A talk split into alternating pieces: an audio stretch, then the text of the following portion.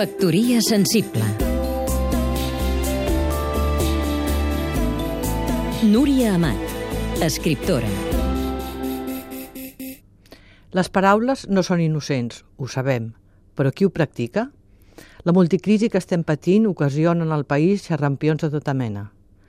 Quan la senyora Cospadal qualifica de nazismo puro el moviment actiu contra el desnonament, el seu estirabot és un no res comparat amb la burla sobre els milions de víctimes de l'estat nazi-feixista, els adjectius són necessaris, als quals està fent inquietant referència. Queda implícit en el seu escarni un desconeixement absolut del valor cultural del llenguatge parlat o escrit. Propi del butxís atacar la víctima amb les anomalies que hi pertoquen, però quan una veu pública es llança frivolitzant un tema rotundament seriós, ha de portar cites i arguments que ho recolzin o, si més no, ho contradiguin.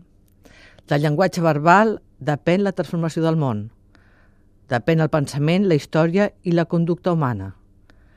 Demanaria als polítics un pensament intel·lectual que els hi permeti parlar sabent fil per randa el que estan dient, tot evitant la manipulació del llenguatge segons les seves conveniències.